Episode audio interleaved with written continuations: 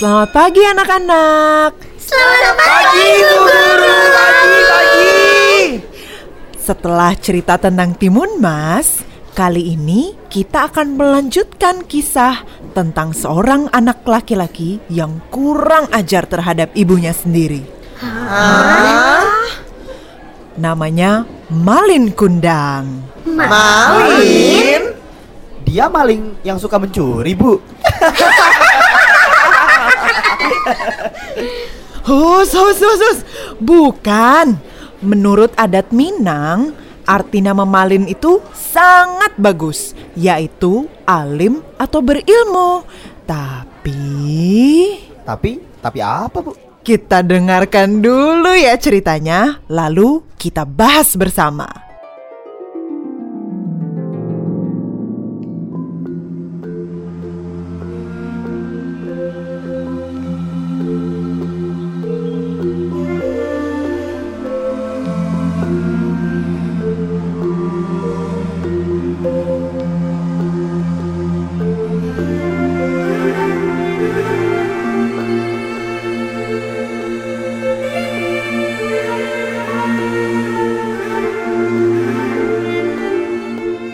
Pada suatu hari, di sebuah perkampungan nelayan di daerah Padang, Sumatera Barat, hiduplah seorang janda bersama anak laki-lakinya yang bernama Malin Kundang.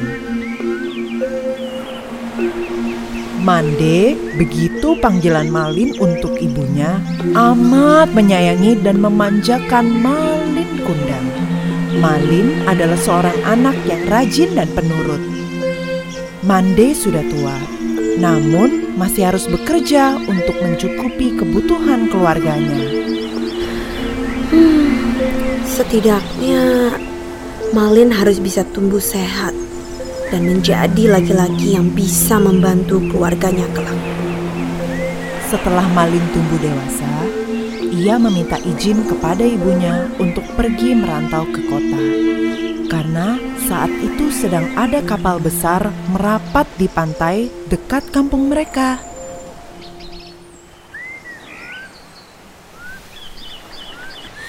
Jangan Malin.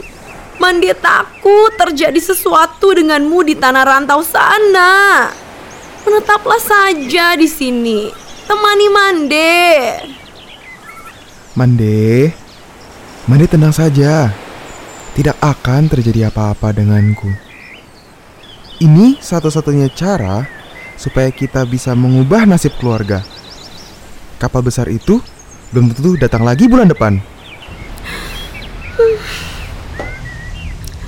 Baiklah Malin. Mande percaya kepadamu. Tapi cepatlah kembali. Mande menunggu di sini. Meski dengan berat hati, akhirnya Mande mengizinkan anaknya pergi. Malin dibekali dengan nasi bungkus dan pakaian secukupnya. Ini untuk bekalmu di perjalanan. Setelah itu, berangkatlah Malin Kundang ke tanah rantau meninggalkan ibunya sendirian.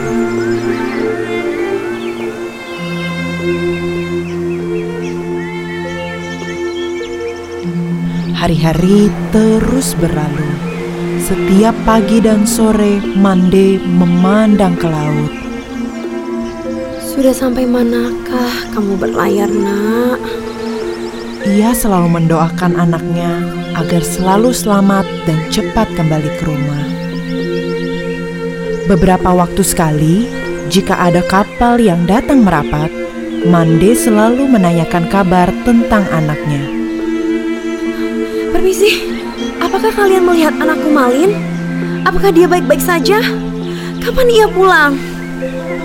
Namun, setiap ia bertanya pada awak kapal atau nahkoda, tidak pernah didapatkannya jawaban. Malin tidak pernah menitipkan barang atau pesan apa pun kepada ibunya. Bertahun-tahun Mande terus bertanya, namun tak pernah ada jawaban hingga tubuhnya semakin tua. Pada suatu hari, Mande mendapat kabar dari nahkoda yang dulu membawa Malin. Nahkoda itu memberi kabar bahagia pada Mande. Mande, tahukah kau? Anakmu kini telah menikah dengan gadis cantik. Putri seorang bangsawan yang sangat kaya raya. Mande kembali bersemangat karena tahu anaknya sudah sukses sekarang. Malin pasti akan segera pulang menjemput aku.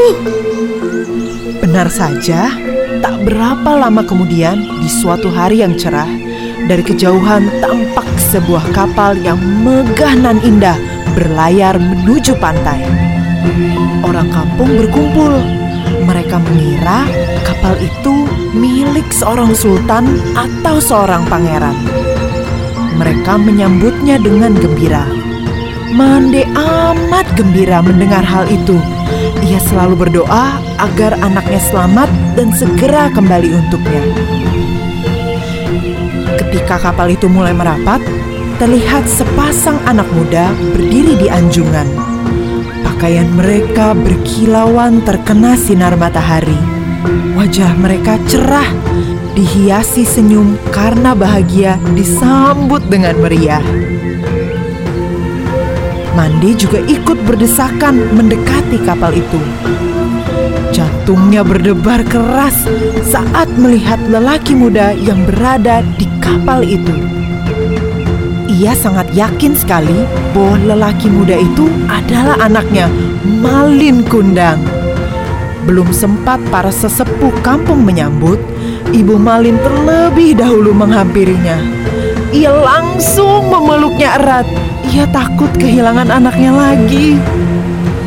Malin, anakku, kau benar anakku kan? Mengapa begitu lamanya kau tidak memberi kabar? Malin terkejut karena dipeluk wanita tua renta yang berpakaian compang-camping itu. Ia tak percaya bahwa wanita itu adalah ibunya. Sebelum dia sempat berucap, istrinya yang cantik itu meludah sambil berkata, Wanita jelek ini kah ibumu? Mengapa dahulu kau bohong padaku? Bukankah dulu kau katakan bahwa ibumu adalah seorang bangsawan yang sederajat denganku? Mendengar kata-kata pedas istrinya, Malin Kundang langsung mendorong ibunya hingga terguling ke pasir. Wanita gila! Aku bukan anakmu. Mande tidak percaya akan perilaku anaknya. Ia langsung terduduk sambil berkata, Malin, Malin anakku, aku ini ibumu nak. Mengapa kau jadi seperti ini? Malin Kundang tidak memperdulikan perkataan ibunya. Dia tidak mengakui ibunya karena malu kepada istrinya.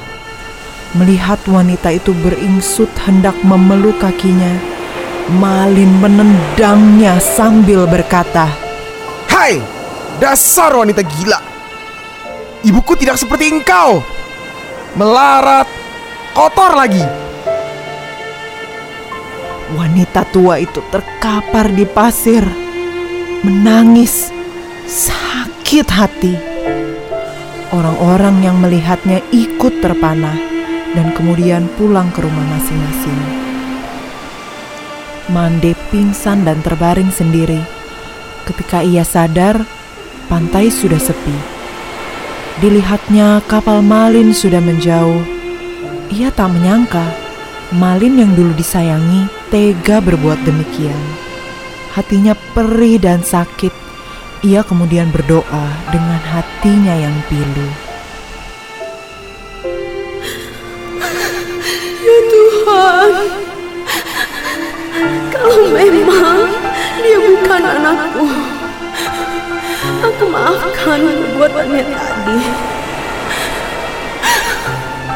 Tapi kalau memang benar ia anakku yang bernama Malin Kundang, aku mohon keadilanmu ya Tuhan.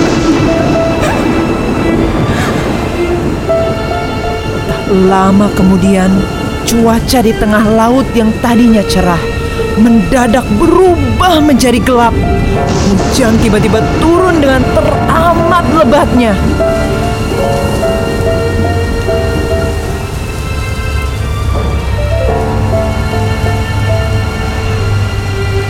Tiba-tiba datanglah badai besar menghantam kapal Malin Kundang. Saat itu juga kapal hancur berkeping-keping, kemudian terbawa ombak hingga ke pantai. Esoknya, saat matahari pagi muncul di ufuk timur, badai telah reda. Di kaki bukit terlihat kepingan kapal yang telah menjadi batu. Itulah kapal Malin Kundang. Tampak juga sebongkah batu yang menyerupai tubuh manusia. Malin Kundang telah kena kutuk ibunya, menjadi batu karena durhaka.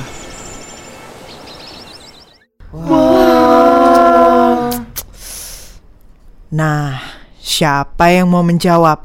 Apa nilai-nilai kebaikan yang bisa kita ambil dari cerita ini? Aku bu. Hmm, kita tidak boleh kurang ajar, apalagi tidak mengakui ibu kita. Karena mamaku bilang, surga itu ada di telapak kaki ibu.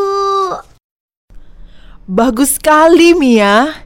Jadi anak-anak, nanti pulang sekolah jangan lupa peluk dan cium mama di rumah dan katakan, "Aku sayang mama." Oke?